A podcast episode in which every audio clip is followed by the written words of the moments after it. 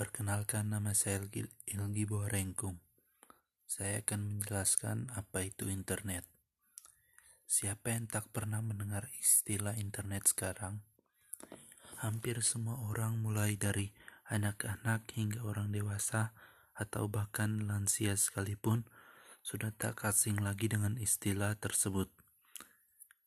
Hmm, pengertian internet Internet adalah suatu jaringan komunikasi yang menghubungkan satu media elektronik dengan media yang lainnya.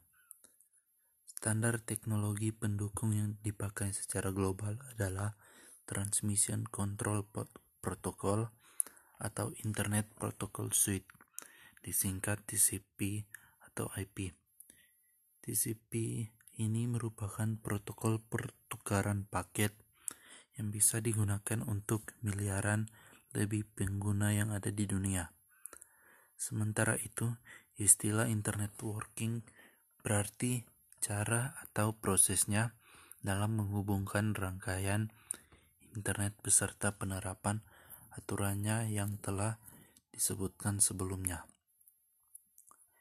Nah, mari kita bicara mengenai sejarah internet.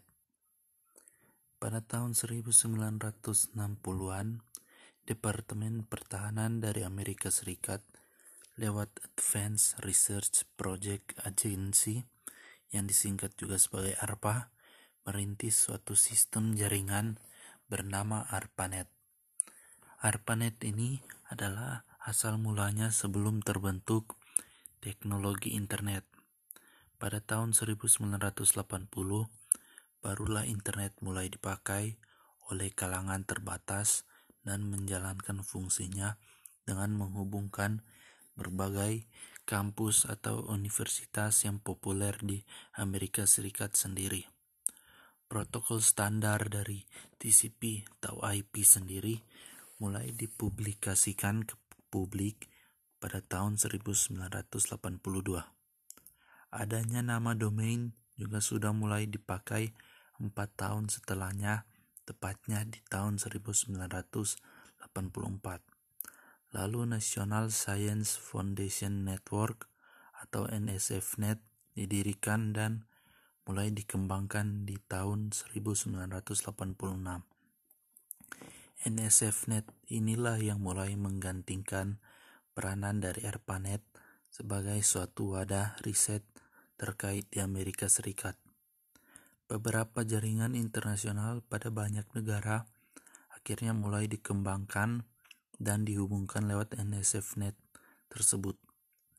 ARPANET kemudian diturunkan pada tahun 1990. Namun memang internet hasil pengembangannya itu sendiri tetap berkembang terus-menerus hingga sekarang. Dulu informasi yang dapat dimiliki lewat internet cuman informasi yang berbasis teks.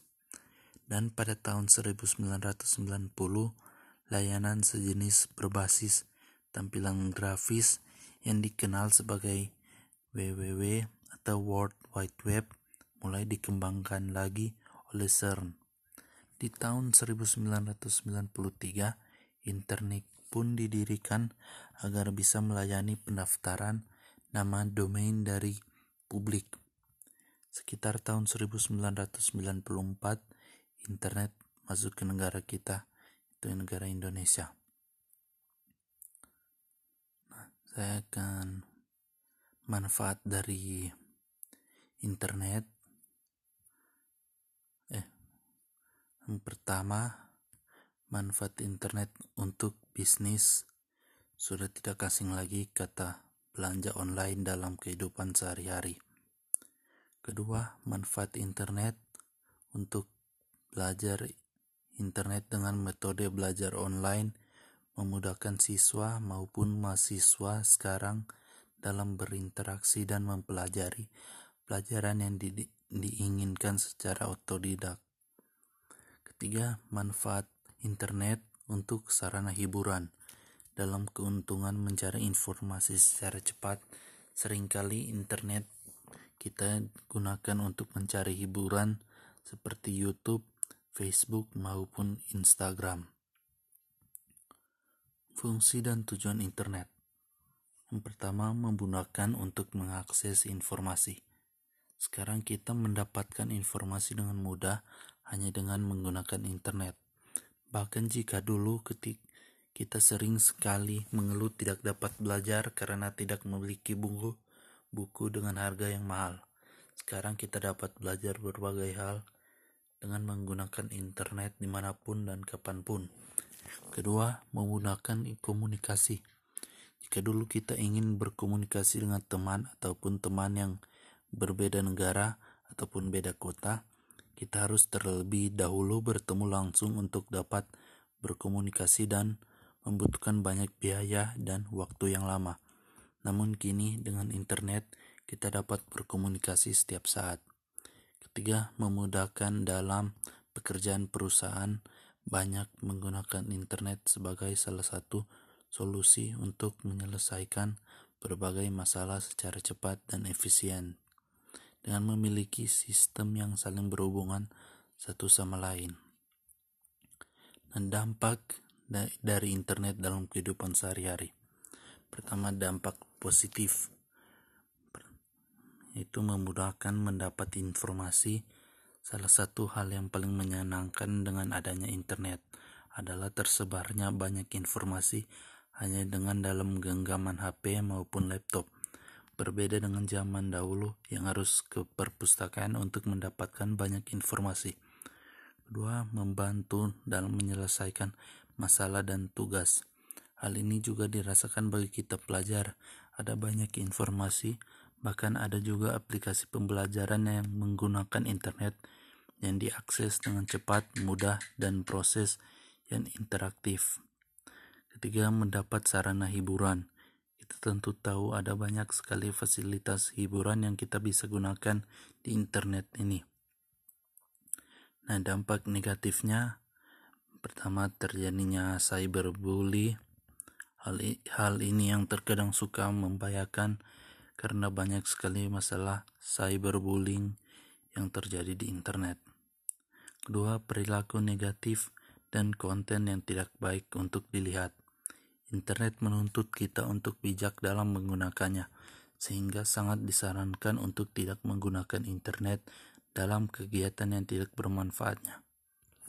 Ketiga, maraknya isu hoaks dan penyebaran hoaks. Hal ini juga menjadi hal yang sering terjadi Siapa yang tidak pernah mendapatkan hoax? Saya rasa semua pasti sudah pernah mendapatkan berita bohong di internet atau kita sering sebut hoax. Keempat, adanya cybercrime, yaitu kejahatan internet. Misalnya penipuan, siap yang di sini sangat yang sangat senang dalam berbelanja, berbelanja online.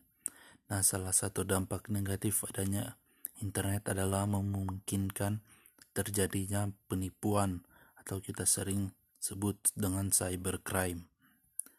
Lima, ya, budaya aslinya mulai ditinggalkan. Ini juga jangan sampai terjadi. Bagaimanapun teknologi berkembang besar bukan berarti kita harus meninggalkan kebiasaan baik yang bisa kita laksanakan. Terima kasih. Demikian dari saya.